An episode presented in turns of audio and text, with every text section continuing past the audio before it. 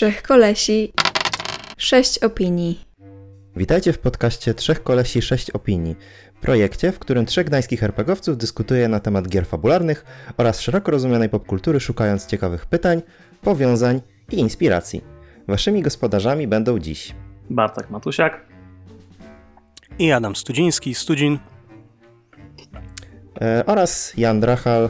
E, ja będę dzisiaj e, prowadził ten odcinek i chciałbym e, poruszyć taki temat, w sumie chcielibyśmy wszyscy, e, od czego zależy moja zabawa na sesji RPG. E, Temat podzielimy na kilka pomniejszych pytań. E, Pierwszym z nich będzie, z czego można czerpać zabawę na sesji, czy ta zabawa jest związana ściśle z jakimś tematem, ze śmiechem, z uśmiechem lub z czymkolwiek innym. E, Druga część będzie, e, będzie to pod temat, kto jest odpowiedzialny za dobrą zabawę na sesji, czy mogę mieć do kogoś pretensje za to, że się nie bawiłem dobrze, czy mogę jakkolwiek wpłynąć na to, żebym się dobrze bawił, żeby inni się dobrze bawili. I trzecia część będzie to, czy są uniwersalne elementy sesji, które bawią wszystkich, czy można zorganizować sesję, która będzie bawiła każdego, niezależnie od upodobań. I w kąciku popkulturowym opowiemy o Pyrkonie i Virginii. E, Również pojawi się temat e, Candela Obscura, czyli nowego RPG grozy od Critical Role. E, Możliwe, że opowiemy również o Tyler Rake 2 z Netflixa oraz e, rzucimy również temat filmu Coherence e, w polskim tłumaczeniu Równoległa Rzeczywistość. To może zacznijmy od tej pierwszej części tematu, czyli e, z czego można czerpać zabawę na sesji? Z czego my czerpiemy zabawę na sesji? Czy zabawa w ogóle jest związana ściśle właśnie ze śmiechem lub uśmiechem? Może Adam, masz na to coś do powiedzenia? E, Okej, dobra. Tak, nie spodziewałem się, że tak szybko zaczniemy od razu ode mnie. E, z czego można czerpać zabawę na sesji? No właśnie, ja myślę, że powinniśmy zdefiniować sobie, zacząć w ogóle od definicji, co to znaczy zabawa, nie? Bo zabawa nie zawsze oznacza... E, może inaczej. Zabawa, każdy zabawę rozumie inaczej. O, każdy bawi się inaczej. Mm, ba, każdego bawi co innego, że zabawa niekoniecznie musi oznaczać stan rozbawienia. Myślę, że to jest co innego, tylko e, jara. Różnych ludzi po prostu jarają różne rzeczy. Wiecie, niektórzy lubią Może horrory. lepszym a- słowem byłoby tutaj satysfakcja zamiast zabawa. Kurde, satysfakcja mi się kojarzy z jakąś taką ambicją. O, nie wiem. Jakbym szedł na sesję z nastawieniem, że mam wyciągać z niej satysfakcję i tak o tym myślał, to pewnie miałbym. No widzisz, mi się bardziej kojarzy z zadowoleniem, że wyszło z tego coś e, fajnego, z poczuciem spełnienia, niekoniecznie z przeżywania cały czas pozytywnych, radosnych emocji, bo na sesji może być trochę czasami No. bardziej poważnie, ale mimo wszystko jak wyjdziałem z tego jakaś fajna historia, to właśnie satysfakcja wydaje mi się dość dobrym określeniem tego uczucia. To mi się chyba satysfakcja bardziej kojarzy z tym, że sesja się udała. W sensie, jeżeli jest satysfakcjonująca, to się udała, a jak jest niesatysfakcjonująca, to się nie udała, co w sumie. Znaczy chyba to nie jest może właśnie to, czego szukamy tutaj, czyli udanych sesji. Mm, Okej, no. zadowolenie Może myślę, tak, że bardziej mi odpowiada. No. To zadowolenie. Mhm. Też pasuje. E, no w każdym razie, e, z czego można czerpać e, zabawę, zadowolenie, gdzie, gdzie, gdzie go szukać na, na sesji? No to jest, słuchajcie, jakby oczywistą oczywistość teraz powiem, ale będziemy tutaj mówić totalnie subiektywnie.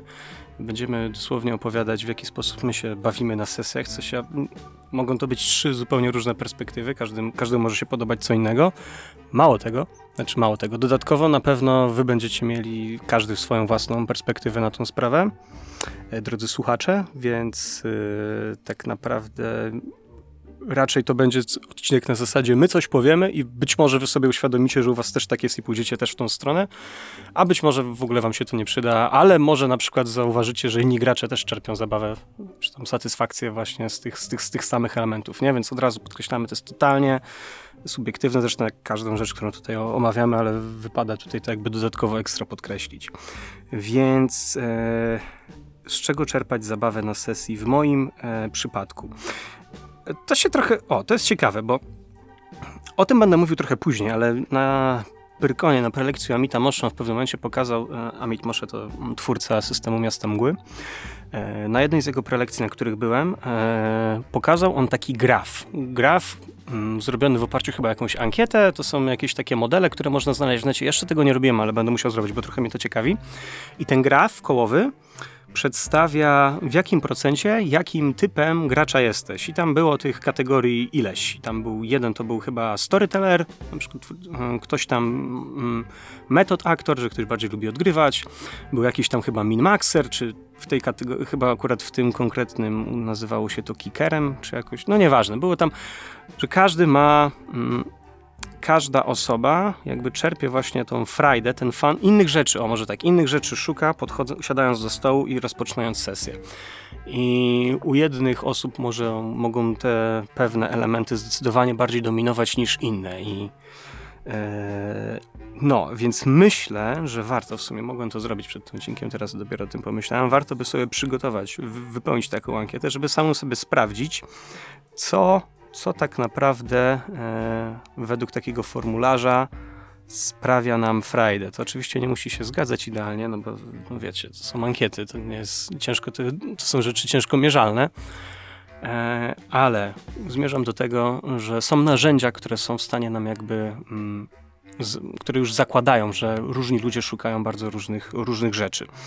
Więc, e, tak jak mówiłem, tam było to opowiadanie historii, odgrywanie postaci, taktyczne walki, mm, wygrywanie, czyli tam bodajże po prostu do osiągania jakiegoś konkretnego celu, e, zarządzanie chyba e, kartą, czyli to takie mimaksowanie, to też chyba tam było ujęte i jeszcze parę, parę, parę innych kategorii. W moim przypadku zdecydowanie mnie najbardziej bawi hmm, już przechodząc do mnie, e, ja lubię o sobie, znaczy lubię, ja myślałem ostatnio o sobie jako o takim graczu, ale też w sumie trochę mistrzu gry, który lubi mieć momenty. Ja, nie, ja, bardzo lubię się wczuwać w postać i wcielać w nią, ale niekoniecznie chcę być na 100% cały czas maksymalnie w tej sesji. Wolę nawet, kiedy jestem, kiedy właśnie mam takie momenty, czyli nie, nie, chcę, nie lubię kraść całej sesji, bo to jest dla mnie trochę męczące. To po prostu potem wychodzę zbyt, odchodzę zbyt zmęczony z takiego stołu, takie przynajmniej mam wrażenie. Ja lubię, jak gram, że mam, nie wiem, jedną, dwie, czasami nawet trzy, ale takie sceny, gdzie, gdzie mogłem zabłysnąć, a potem oddałem to komuś innemu i, i obserwowałem, jak inni błyszczeli. To jest dla mnie moment, że ja sobie odpoczywam, ale też lubię patrzeć po prostu, jak, jak inni grają i się wczuwają. Ewentualnie im tam trochę w tym pomagać, coś im tam, coś im tam podrzucać. Eee, także ja lubię mieć takie, wiecie, sceny, kiedy potem odchodzisz od stołu, albo nie wiem, tam mm, jak dużo, często gram z Alą, na przykład jeździmy do ciebie, Janek, na sesję i potem wracamy samochodem, to potem sobie dyskutujemy. I potem myślę właśnie o tych konkretnych scenach, e, które miały miejsce. I ja się czuję dobrze, kiedy miałem takie sceny, ale lubię też dyskutować o, o, innych, takich, e, o innych takich scenach, czyli o takich po prostu fajnych, e, fajnych momentach. Nie wiem, jak to u Was wygląda. Myślę, oczywiście jest u mnie dużo innych rzeczy, które są dla mnie dosyć istotne, ale zauważyłem, że ta jest taka najważniejsza, żeby mieć tą swoją chwilę po prostu. To może Ty, Bartek, powiesz, co Ciebie bawi, albo co Ty uważasz za tą satysfakcję sesji? Mm, jasne, no więc ja oczywiście mam tą e, przypadłość, że zarówno prowadzę, jak i gram, e, więc mam trochę niestandardowe oczekiwania. Na pewno bardziej zaglądam gdzieś pod maskę tej sesji, nawet jak jestem graczem, więc lubię jak ta sesja się fajnie spina. Widać, że mi ją przygotował, że wydarzenia są e, logiczne, że historia płynie w dobrym tempie. E, bo mam tendencję do tego, że dostrzegam te wszystkie mm, elementy jako gracz. Mm, no jak widzę, że coś tam mi zgrzyta, mm, to też mnie to trochę frustruje, bo jakby mam wrażenie, że jest fajny potencjał, ale, e, ale trochę zmarnowany, jeżeli faktycznie. Czyli lubisz zaglądać do kuchni. Tak, lubię zaglądać e, do kuchni. Właściwie nawet nie tyle lubię, co po prostu robię to mimowolnie. Ciężko jest raczej to zignorować, więc jak mistrz gry e, widać, że jest na przykład mało przygotowany albo jest początkujący, e, no to takie rzeczy siłą rzeczy gdzieś tam wyjdą e, i nawet jak nie ma w tym złych intencji, to czasami trochę to potrafi zgrzytać. Ale tak nawiązując do tego, co ty mówiłeś, Adam, to tak, zdecydowanie lubię też mieć ten spotlight na sobie, żeby zostały po tej sesji jakieś fragmenty, które mm, zapadają w pamięć bo to jest dość ciekawe zjawisko. Ja nauczyłem się tego z odsłuchiwania własnych sesji, bo kiedyś raczej ze względów kronikarskich. Nagrywaliśmy niektóre sesje, bardziej po to, żeby móc później odtworzyć kluczowe informacje i się przygotować do kolejnej, e, ale przy okazji można sobie było posłuchać, e, jak ta sesja wygląda, kiedy już możesz tylko sobie aktywnie słuchać wydarzeń, a nie musisz być zanurzonym w tej historii, to o rany, to jest fatalne, jak tego słuchasz.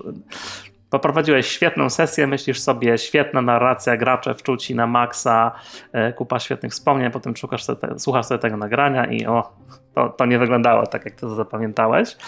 Więc oduczyłem się e, słuchania sesji, ale nauczyłem się za to, że te sesje są siłą rzeczy mocno niedoskonałe, pełne takich zgrzytających momentów i, i tak naprawdę po sesjach zostają właśnie fragmenty, zostają emocje, zostają obrazy e, z poszczególnych chwil, a cała ta reszta, ta meta i te niedoskonałości bardzo szybko ulatują i to po prostu nie ma znaczenia nie ma się tym co tak naprawdę przejmować. Więc najważniejsze, Czyli żeby te tak jak- główne momenty zagrały. Czyli trochę tak jak z koncertem. Jesteś na koncercie i w sumie wszystko brzmi fatalnie, bo nagłośnienie jest, jest tragiczne, wszystko dudni, słyszysz jak e, metal trzeszczy na kolumnach, e, słyszysz jak śrubki się odkręcają od, e, od głośników, ale nie ma to znaczenia, bo znaczenie ma ten klimat, tak? Ci wszyscy ludzie, którzy tam są na tym koncercie i tak samo na sesji, tak? Ludzie, którzy się wczuli, ludzie, którzy odgrywają te postacie, tak? Robią ten klimat, tę atmosferę, która cię wciąga i sprawia, że tych doskona- niedoskonałości albo nie dostrzegasz, albo przynajmniej nie są one tak istotne, żebyś psuł sobie zabawę, tak? No, dokładnie tak. Także ja sobie bardzo cenię to, co mi zostaje po sesji i to, o czym później mogę rozmawiać z ludźmi, z mistrzem gry albo z graczami, e, bo tak naprawdę wszystkie sesje, które pamiętam dalej po latach, to są momenty, a nie jakieś e, elementy mechaniczne czy ogólny zarys całej historii, tylko właśnie chwile. Także to jest chyba dla mnie najważniejsze, to z czym z tej sesji wychodzę i to, co pamiętam po, po jakimś czasie. A ty Janek na co stawiasz? Pa, parafrazując naszego słynnego, nieodżałowanego Ryszard, Ryszarda Ridla, e, w sesjach piękne są tylko chwile, można by powiedzieć, nie? Nie tylko, ale No tak, ale zapamiętują, przynajmniej zapadają najbardziej w pamięć, nie? grania w RPG. Tak jest. Sorry, już. Mm, No To dobra, ja Janek, powiem jak chyba, że- wygląda? ja powiem chyba, że chwile. Mm, chwile są dla mnie ważne, ale o tyle, o ile są ważne dla innych graczy. Natomiast ja jako gracz lubię mieć kontrolę. Lubię czuć, że mm, przynajmniej w najmniejszym stopniu moja postać przez większość czasu ma kontrolę nad tym, co się dzieje ogólnie na, podczas całej sesji. Jeśli czuję, że jakakolwiek scena, w której jest moja postać, e, nie ma absolutnie żadnego przełożenia na to, co mogę z... inaczej. Jeżeli w danej scenie moja postać nie może w żaden sposób wpłynąć na wydarzenia, to czuję minimalną satysfakcję z takiej sceny. Jeżeli została rewelacyjnie opisana, yy, ale moja postać tam po prostu była i nie mogłem nic z tym zrobić, to taka scena jest dla mnie w sumie trochę pusta i nie lubię takiej sceny za bardzo, szczerze mówiąc. Także ja jestem typowo kontrolującym graczem, lubię wpływać na otoczenie, lubię wpływać na świat. To też w jakimś tam podziale się chyba oznacza, odznacza jako gracz-reżyser. E, Bardzo lubię wrzucać swoje elementy, bardzo lubię, kiedy mistrzowie gry wykorzystują moje pomysły i moje elementy, które wrzucam do świata. Wtedy, wtedy czuję się trochę tak jak, e, znowu nawiążę do koncertu, jak e, fan zespołu, kiedy poleciała do niego kostka gitarowa, kiedy ją złapał. Trochę się tak czuję, jak właśnie mistrz gry wykorzystuje moje pomysły. Także jest to taka właśnie dodatkowa ekscytacja, e, no bardzo wysoka, bardzo duża dla mnie. E, Także no ja się bawię dobrze właśnie w taki sposób. Byłeś ostatnio na koncercie. Janek, że tak zapytam? No właśnie byłem, dlatego tak rzucam te tematy. Byłem nawet na dwóch koncertach ostatnio. E, Okej. Także, także będę trochę do tego może, e, może nawiązywał, bo to ostatnie silne wspomnienia. E, Okej, ale może trochę odskakując teraz właśnie od głównego tematu odcinka. Bartek, może chciałbyś się podzielić swoimi przemyśleniami na temat Candela Obscura, czyli nowego RPG od Critical Role. No właśnie, e, niedawno miałem okazję obejrzeć e, pierwszą sesję, którą Critical Role już e, udostępnili, można ją sobie znaleźć na YouTubach. E, I równocześnie jest to taka forma promocji nowego systemu, które e, wydało Darrington Press, czyli to ramię wydawnicze Critical- Role. E, To jest nowy system, który oni sobie sami zaprojektowali. Wyszedł on spod ręki Spencera Starki. To jest gość, który też zaprojektował Zaginięcie Alice i te dzieciaki na miotłach, które Adam wiem, że nabyłeś na Perkonie. E, I drugą autorką jest Rowan Hall. E, I Candela Obscura to jest takie połączenie Zewu Cthulhu, czyli tropienie tajemnic i jakieś pradawne złe siły, z którymi się trzeba mierzyć, ale bardziej w klimatach e, gotyckich. I wymieszane z wątkami typowo fantazjakowymi, w takim autorskim świecie, który twórcy sobie zbudowali. To jest coś mocno inspirowanego wiktoriańskim Londynem, czyli taki typowo gotycki setting. E, No ale nie jest to nasza rzeczywistość, tylko jest to świat fantazy, w którym się zakończyła właśnie jakaś wielka wojna, wymyślono elektryczność, e, panowie w cylindrach, e, rewolucja przemysłowa, dym się snuje po ulicach i jakieś tam duchy, demony i inne plugastwa się czają w mroku. E, Także jest to jakaś forma wyjścia przez Criticalsów do, do prowadzenia czegoś indziej niż typowo fantazjakowych rzeczy, chociaż muszę przyznać, że trochę tego fantazy tam jest dla mnie za dużo. Widać, że to dalej jest mocno przygodowe i przynajmniej Matt Mercer prowadzi tą grozę w klimacie jednak e, takiego raczej e, niesamowitości niż faktycznie horroru. Ale fajnie, że robią coś nowego. Po pierwszej sesji trudno coś więcej powiedzieć, ale miałem okazję przeczytać starter. O świecie tam niewiele mm, na razie napisano, chociaż przyznam, że nie wydawał mi się specjalnie oryginalny, E, ale spodobała mi się dość e, mocno mechanika. Mm, To tak naprawdę jest mechanika Forge in the Dark, głównie inspirowana tym, co oferowały Ostrza w Mroku. E, Tylko jest to taki ekstrakt, usunięto z tego wszystkie te elementy zarządzania gangiem, e, a mi się właśnie mechanika Bladesów bardzo podobała, była taka prosta, oferowała dużo możliwości, gdyby wyciąć z niej te wszystkie mm, elementy zarządzania, to można było z tego całkiem fajne sesje prowadzić. E, i podoba mi się to też dlatego, że no, Critical jednak ma ogromny zasięg i jak będą promować e, różnego rodzaju inne nowatorskie mechaniki, to, to może całkiem fajnie też przekonać ludzi do tego, że mm, nie tylko piąta edycja e, w RPGach się kryje. Także ciekaw jestem, jak to się e, rozwinie, bardziej ze względu na możliwość promocji czegoś nowego w naszym hobby. Także jeżeli ktoś ma ochotę na coś e, nowego i może ze Cthulhu jest dla niego za poważny, a chciałby się pobawić trochę w jakichś łowców tajemnic i demonów, to może Candela Obscura warto sprawdzić. A powiedz mi proszę, ten. E, tak z ciekawości, ten pierwszy odcinek to, to jest ta stała ekipa z tej Vox Machiny i tak dalej, czy, czy, jakieś, czy jacyś inni są zaangażowani w ten, w ten, w ten E, projekt? Tak, pół na pół. E, No, Matt Mercer to prowadzi, jest dalej Ashley Johnson i Laura Bailey. E, I dwójka ludzi, których nie kojarzę z tych typowych sesji Dungeons and Dragons, e, ale to też są aktorzy, w związku z tym powiedzmy, że w cudzysłowie profesjonaliści. Także tak pół na pół. No ale ewidentnie ludzie, którzy potrafią odgrywać postacie, więc pod tym względem fajnie się to, to odgrywa z taką dość zróżnicowaną ekipą, bo jedna postać jest takim e, ulicznikiem, jest oczywiście typowy profesor, jest um, kultystka medium i jest iluzjonistka. A, jeszcze bibliotekarz by się przydał. Nie wiem, czy coś mnie minęło, miałem chwilowe problemy z internetem. E, W każdym razie y, zapytam, e, czy, czym to się będzie różniło w takim razie od Liminal albo od mm, Monster of the Week?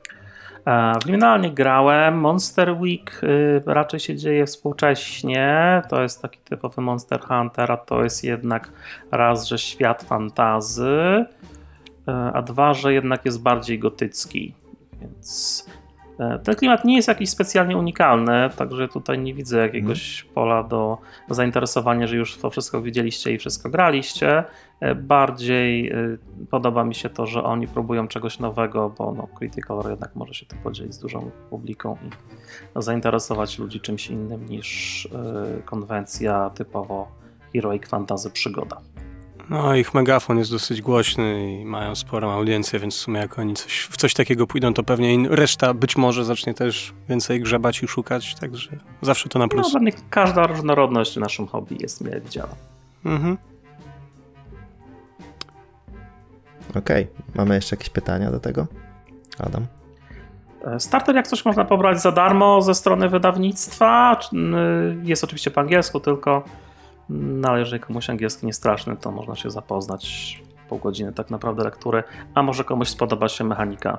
E, Ja już się zastanawiam, czy jakoś ich sobie nie przeszczepić na potrzeby sesji, w których nie potrzebuję jakichś złożonych systemów, a, a może ona się całkiem nieźle sprawdzi. Ja lubię nowinki, więc w sumie chętnie bym tego spróbował, także jakbyście mieli czas, żeby zagrać, to ja, ja na pewno się będę prędzej czy później na to pisał. A czytałeś już ten starter? E, Tak, on jest dość krótki. E, Nie ma tam za dużo o świecie, to jest bardziej taki ogólny zarys konwencji, e, opis miasta, bo większość e, historii dzieje się w jednym konkretnym mieście. E, No i mechanika, podstawowe klasy postacie, tak, jest dość prosta e, przygoda, którą można poprowadzić, jakby ktoś chciał wytestować. Okej, i taka jednosesyjna, bo w, bo w sumie o tym ich, do tego zmierzałem od E, początku. Ciężko ocenić, bo wiesz, jak ja mam przygodę na jedną sesję, to wejdą co najmniej trzy, no ale jak ktoś jest w stanie się dyscyplinować, żeby prowadzić e, w miarę w tempie, to tak, myślę, że da radę to zrobić w jedną Okej. sesję. No to byłbym chętny. W sensie zainteresowany, no, tak bym powiedział, jak coś śmiało. E, ale ja mam pytania, znaczy pytania niezwiązane z tym, bo widziałem Bartek na liście, że ty tam wpisałeś inną niezwykle ciekawą rzecz z Netflixa i bardzo chętnie usłyszę, jak się wypowiadasz na temat Tylera Rake'a E, 2. Mówisz o Tylerze Rake'u 2. No, ciekawy niestety nie jest. Muszę przyznać, że dość mocno mnie rozczarował. E, wprost przeciwnie do pierwszej części, która mnie dość mocno e, mile zaskoczyła. E, Tyler Rake 2. A w czym to jest, bo nie to orientuję jest się. typowy akcyjniak. Wyreżyserował to Sam Hargrave, czyli e, taki utalentowany koordynator kaskaderów, który się postanowił zabrać za reżyserię własnego filmu akcji, trochę jak twórca Johna Wicka. E, Także faktycznie większość tego filmu to jest po prostu czysta akcja, ale tak jak John Wick to jest świat zabójców i hitmenów, to Tyler Rake to są typowi komandosi i militaryzm. Ale konstrukcja jest dość podobna, czyli fabuła pretekstowa, główny bohater, który tak naprawdę dominuje całą historię, no i wszystko jest tylko pretekstem do widowiskowych scen akcji. Ale tak jak pierwsza część mi się faktycznie podobała, bo ta akcja była dość zmyślna, fabuła faktycznie nie grała dużej roli, ale oglądało się to bardzo przyjemnie. Przede wszystkim te sceny akcji nie były nużące i powtarzalne. Twórcy się wysilili na tyle, żeby budować jakieś nowe choreografie tutaj. To dwójka mnie jednak strasznie zmęczyła i znudziła. E, Nie miałem wrażenia, że Ale to jest- znudziła na tyle, że nie skończyłeś, czy... E, Nie, obejrzałem całość oczywiście.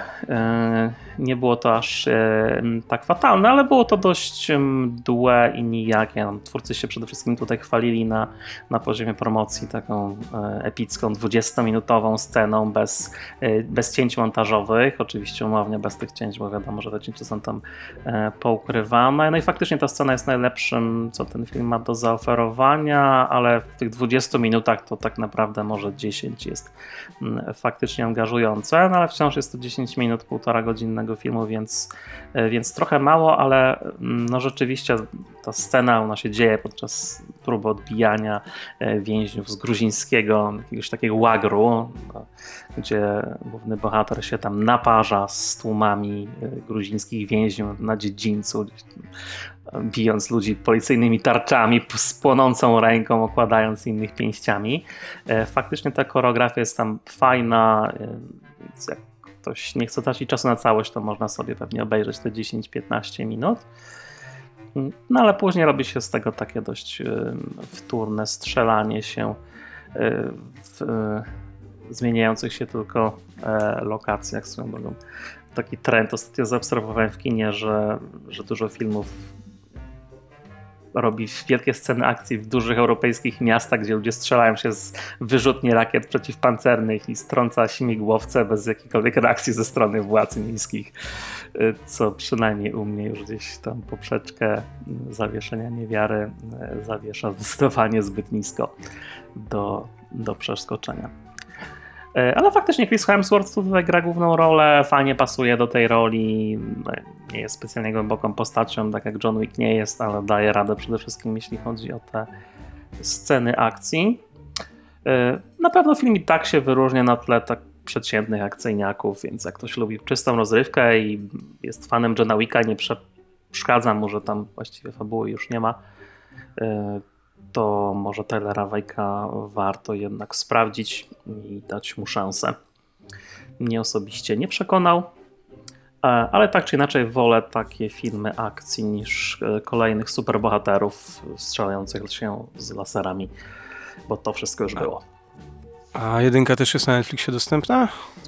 E, Myślę, że tak. Na pewno to była też produkcja Netflixowa, więc zdziwiłbym się, gdyby to zdjęli z jakiegoś powodu. Okej. Bo ja właśnie rezygnuję z Netflixa, jeszcze zostało mi dosłownie chyba tydzień, e, ale jestem wielkim, bardzo dużym fanem Johna Wicka, więc skoro mówisz, że może to mi przypaść do No gustu, to to polecam nie? zacząć od jedyneczki i jak cię faktycznie wciągnie, no to może i dwójka łykniesz. Okej, okej. Dobra, to zanim e, ruszymy z kolejną częścią e, tematu odcinka, taki mały disclaimer, że nie chcemy tutaj raczej mówić o BHS-ach, znanych jako e, bezpieczeństwo i higiena sesji. O nich pewnie wspomnimy w jakichś kolejnych odcinkach. Natomiast może po prostu powiem, jaki jest kolejny punkt. Kto jest odpowiedzialny za dobrą zabawę na sesji? Czy mogę mieć do kogoś pretensje za to, że się nie bawiłem dobrze? Czy mogę wpłynąć na to, żeby wszyscy się dobrze bawili? No właśnie, mówisz Wszyscy, wszyscy są Bartek, odpowiedzialni, tak? możesz mieć do kogoś pretensje. I jakie było trzecie pytanie? Czy możesz wpłynąć? Oczywiście, że możesz. Tak? No właśnie, to jak możemy wpłynąć? W jakikolwiek, w jaki sposób możemy wpłynąć na to, aby cały stół się bawił dobrze, abym ja się bawił dobrze? Co mogę z tym zrobić? Jak mogę się do tego przygotować, żeby To się bawić ja dobrze? m- pozwolę sobie jeszcze tylko troszeczkę rozwinąć ten nasz, e, ten disclaimer, który powiedziałeś, bo odpowiedzią, która się tutaj mi osobiście nasuwa, no to właśnie sesja zero, BHS, odpowiednie przygotowanie i tak dalej, ale przygotowując się trochę do tego odcinka, wyszliśmy z założenia, że BHS-y są po to, żeby zapewnić w ogóle możliwość, żeby była dobra zabawa, nie? Więc zakładamy, że to już jest załatwione. Mm, Ja nie? bym bardziej powiedział, żeby zapewnić, żeby nie było złej zabawy. Okej, no okej, Dokładnie, no ale ja tak, on, on, one, one, one bezpośrednio nie odpowiadają za dobrą zabawę, tylko dają przestrzeń w możesz ogóle mieć do niej. nudną i frustrującą sesję. Nie dlatego, że Tak, było tak. tam coś dla ciebie. Ja nie mówię właśnie, chodzi, że one nie zapewniają, tylko dają po prostu przestrzeń na nią, nie? Także dlatego jakby od, od, Jak najbardziej. separujemy to, to, to jedno od drugiego, to tylko żeby... Czyli Żeby zakładamy, że mamy bezpieczną przestrzeń do gry i teraz co możemy zrobić, żeby bawić się dobrze, albo żeby bawić się lepiej, albo żeby bawić się po prostu super. Bawić się. No właśnie, żeby mieć satysfakcję. Adam, coś chciałeś powiedzieć w tym temacie? E, e, o Jezu, no, no można dużo mówić w tym temacie. e, bo tak, kto jest, kto jest, no po kolei też, kto jest odpowiedzialny za, e, za dobrą zabawę? Ja mam takie same odpowiedzi generalnie jak Bartek. Według mnie wszyscy są odpowiedzialni, że tak jak najbardziej można mieć pretensje do siebie i do innych i, i też mogę wpływać na to, żeby inni się dobrze bawili, ale najprościej według mnie jest to e, osiągnąć, po, e, to pewnie Janek, ty będziesz w tym najlepszy, słuchając innych jakby aktywnie słuchając i patrząc na, na to, co, yy, co ich bawi i bezpośrednio jakby mm, reagować na to. Co mam wrażenie, że jest dosyć mm, jakby... Ludzie zaskakująco często zapominają, że RPG to jest gra drużynowa. Kiedy sobie tam kiedyś pisałem regulamin swojego takiego stołu, jak to się było, było w zwyczaju, to jakby pierwszy punkt i złota zasada to jest RPG, to jest gra zespołowa. My tu gramy razem. Nie gramy tutaj tylko pod siebie. Dlatego e, też przy tym pierwszym punkcie, kiedy mówiłem, to ja lubię momenty, kiedy błyszczę, nie lubię całej sesji, kiedy jest przeze mnie zdominowana, bo może ona by mi się podobała, ale widzę po prostu, że, że, gra, że, że, że to po prostu że oni są stłamszeni. Może mają gorszy dzień, to tak to też się może zdarzyć, ale generalnie jest taka tendencja, że oni będą prawdopodobnie trochę stłamszeni, trochę będą wynudzeni nawet na tej sesji. E, I to automatycznie na mnie się odbija, że kurde, no oni się źle bawili, no to ja w sumie też się bawię. Jak, jakby, jak można przegrać sesję? No w taki sposób, że przestajesz grać z innymi, nie? E, więc ja myślę, Mhm. że przede wszystkim po prostu obserwacja, e, aktywne słuchanie mm, i jakby reagowanie na to, e, na to, co się dzieje. No ale to nie wiem, nie sądzę, żebym tutaj odkrył jakąś Amerykę teraz. Kurczę, może troszeczkę włożę kij w mrowisko, bo wielokrotnie spotykałem się z taką opinią. Jest to oczywiście staroszkolna opinia staroszkolnego grania z lat 90. albo może początku e, tego wieku, e, że mistrz gry jest odpowiedzialny za to, żeby przygotować grę, żeby przygotować wszystko właściwie. Pro, propy, jakieś materiały do gry, żeby przygotować cały scenariusz, żeby przygotować może nawet postacie. No właśnie, i im więcej on przygotowuje, to tym bardziej odpowiedzialny jest ogólnie za to, żeby sesja się odbyła, żeby na sesji działy się rzeczy. Czy to oznacza, że on jest odpowiedzialny za dobrą zabawę? Czy to znaczy, że jeżeli on będzie słabo przygotowany, albo jeżeli nie będzie miał całej teczki z dodatkowymi prepami, dokumentami i tak dalej, to znaczy, że on nie przygotował wam dobrej zabawy? Jak to jest? Wydaje mi się, że przede wszystkim przygotowanie sesji nie jest żadną gwarancją dobrej zabawy. To jest potencjalnie absolutne minimum, chociaż można prowadzić świetne sesje improwizowane, zero prepu, więc to raczej jest kwestia umiejętności mistrza gry, żeby tą sesją sprawnie zarządzać, żeby poświęcać wszystkim odpowiednio dużo uwagi, żeby wprowadzać elementy, które wiesz, że twoi gracze lubią, a, albo konkretny gracz czy graczka lubią w danym momencie, żeby dbać o tempo sesji, spotlighty. Także raczej szedłbym w tę stronę. Wydaje mi się, że ogólnie prep do sesji niewiele tutaj wnosi. Co najwyżej, jak wiesz, że jesteś mistrzem gry, który prowadzi lepsze sesje, jak się przygotowujesz, no to jasne, przygotuj się do sesji, nie? Ale to nie stawiałbym z tego jakiegoś absolutnego wymogu. To jest raczej dopiero punkt wejścia, a w trakcie sesji, moim zdaniem, dużo większą rolę grają takie mniejsze elementy, na których się trzeba skupić. Słuchajcie, ja wam rzucę taki przykład, e, no dosłownie z tego weekendu znowu z Pyrkonu. E, znajomy grał sesję w Brindlewood Bay i mówił, że tam e, prowadząca łącznie przez całe chyba 3 godziny sesji odzywała się może przez 10 minut. E, I oni się świetnie bawili jakby, nie? Ona chyba już, pewnie też już była zmęczona. Nie wiem, nie, nie widziałem, ale oni się absolutnie świetnie bawili. E, gdzie po stronie mistrzyni gry jakby naprawdę od, od niej absolutnie niewiele, niewiele, tam musiał, nie, niewiele tam musiało zależeć. Więc ja myślę, że to zależy od tego, w co gramy, bo w takim tradycyjnym, tradowym, jak to się mówi, graniu, to faktycznie odpowiedzialność jest zrzucana na mistrza gry. Jeżeli ktoś czytał stare podręczniki chyba do D&D albo do AD&D, to w ogóle tam tej sekcji dla mistrza gry padają jakieś takie chore określenia typu, że ty jesteś tutaj panem i władcą tego, co się dzieje przy stole, no to tobie to wszystko spoczywa na twoich Tak, barkach ja tu i tak dalej. Mistrzu gry baw mnie, tak? Ja tu przyszedłem się bawić. Ta, no i jeżeli gracz ma takie nastawienie i mistrz gry ma takie nastawienie, no to oczywiście, tylko pytanie, czy w współczesnym rozumieniu to, to jeszcze jest sesja, czy to po prostu nie przyszedłeś trochę na taki spektakl jednoosobowy, nie? gdzie gracze mają tylko od, zrobić to, co i tak mistrz gry już dla nich przygotował, a, a rola gracza spo, tylko sprowadza się do jakichś tam prostych wyborów, czy nie wiem, zabić tego mężczyznę, czy ratować tego mężczyznę, nie? On już sobie przygotował, co, co będzie dalej. Jakby nie ma żadnego mm, inputu ze strony, ze strony graczy. No to wtedy, jeżeli od, od początku do końca jest założenie takie, że, całe, że ty wszystko przygotowujesz i ty tak naprawdę masz tutaj e, jakiś scenariusz do odegrania punkt po punkcie, no to to myślę, że tak, że można by wtedy winić, znaczy jeżeli kogoś winić, to prawdopodobnie mistrza gry, e, ale też winić go za to, że no po co, po co coś takiego robić, nie? W sensie, ja wiem, ja wiem, że tak się jeszcze gra i niektórzy oczekują nawet takiej gry, To ale chyba no, bym tu polemizował, prawdę mówiąc. To znaczy jest to specyficzny sposób grania i pewnie faktycznie większej ilości graczy się nie spodoba niż spodoba, ale nie określałbym go jednoznacznie jako zły sposób, co najwyżej y, skupiłbym się na tym, że jak prowadzisz w taki sposób, to warto graczy uświadomić, że taka sesja ich czeka, żeby wiedzieli się, co się e, pakują, bo jakby specyficzny styl prowadzenia, który niekoniecznie pasuje graczom, nie musi być problemem. Raczej należy pamiętać o tym, żeby dobierać sobie graczy pod to, jaką sesję zamierzasz poprowadzić. No dobra, a powiedzcie mi w takim razie, załóżmy, że ja się bawię dobrze na sesji, załóżmy, że mistrz gry tą sesję prowadzi przynajmniej dobrze, poprawnie. Co mogę zrobić, żeby pozostali gracze się bawili dobrze? Jakie są wasze sposoby? Co robicie obserwując stół? E, Mnie no takim najprostszym zależy. myślę... Dobra. Okej, dobra, no zacznij Bartek, zacznij, zacznij, zacznij. Tak. To e, ja oczywiście patrzę trochę mm, na graczy przy stole też z perspektywy mistrza gry, czyli staram się obserwować wszystkich, e, oceniać ich rolę w danej historii czy w danej scenie i upewniać się, że oni będą mieli też przestrzeń do tego, żeby w tej scenie coś zrobić. Czyli jak jesteśmy wszyscy razem i e, ja mam jakiś pomysł na poradzenie sobie z jakimś wyzwaniem w tej scenie, czy coś tam do odegrania związanego z moją postacią, to po pierwsze staram się wciągnąć w jakąś drugą postać. Można poprosić y, innego bohatera o pomoc w zrobieniu czegoś tam, zapytać go chociażby o, o jego zdanie, jego perspektywę, czy podchwycić Czyli jakiś angażowanie element. gracza. Tak.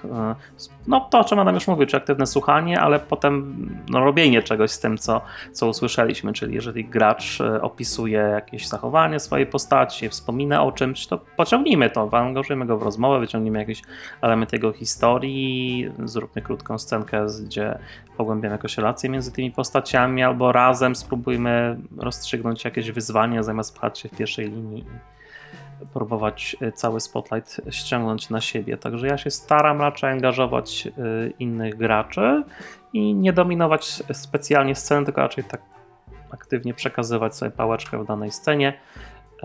No jak znasz dobrze swoich graczy, to też wiesz, kto lubi raczej siedzieć y, na sesji z tyłu i tylko od czasu do czasu e, coś dorzucić, w czymś wspomóc, a kto lubi bardziej być z przodu i wtedy faktycznie trzeba szukać wszystkich możliwych okazji, żeby go do danej sceny wciągnąć.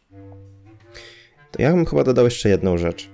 Co mogę zrobić, żeby wszyscy się dobrze bawili? Mogę ja jako gracz pamiętać przy, albo przypominać sobie przed sesją i w trakcie sesji o ustaleniach, jakie zrobiliśmy na sesji 0, bo nie, nie pamiętam, czy temat sesji 0 tutaj padł, e, ale o sesji 0 pewnie też kiedyś tam wspomnimy e, w, w kilku słowach.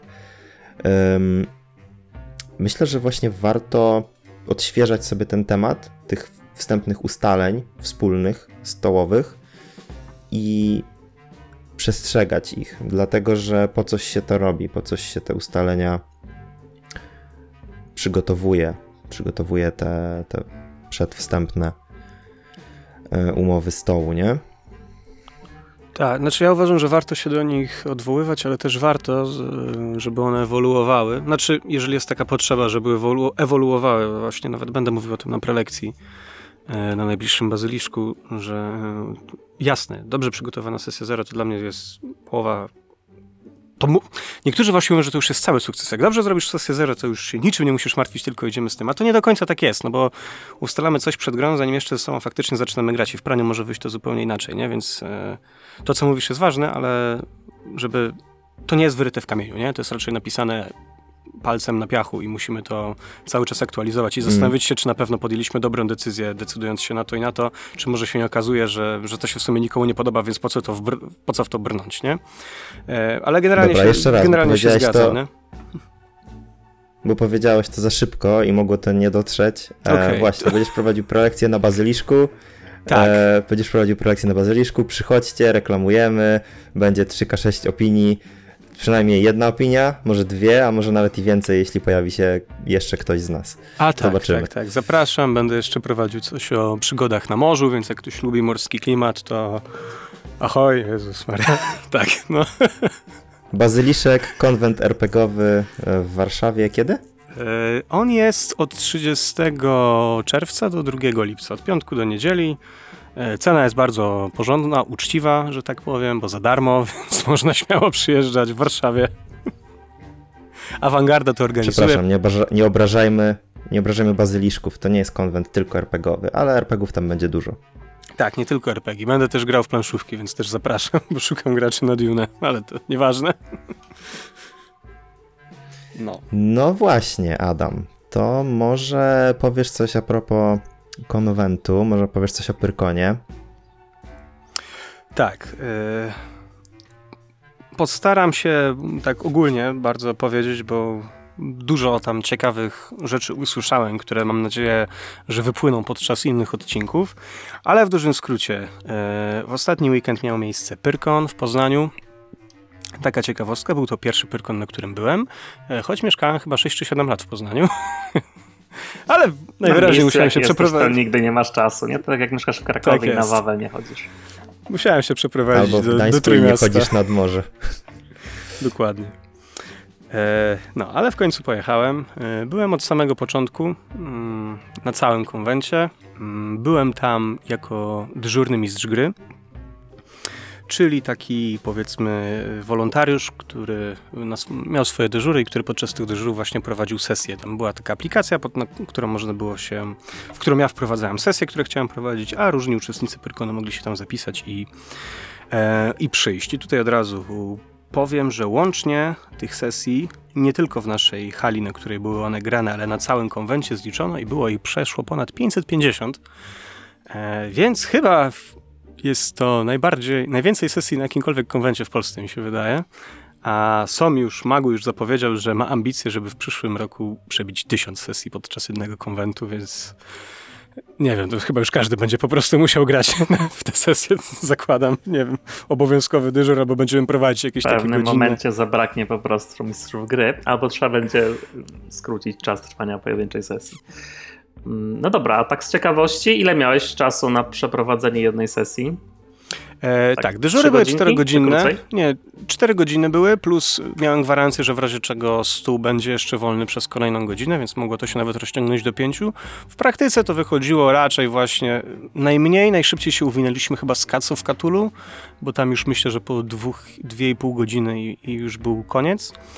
E, Wesen jak prowadziłem, to faktycznie pełne 4 nam się, pełne 4 wypełniliśmy. E, I ze w Cthulhu chyba 3. Także, a patrzyłem na inne stoły, to podobnie. Średnio tak myślę, 3 godziny trzeba było się nastawić na taką, e, na taką sesję. Przynajmniej u nas. Tak, Janek, coś chciałeś?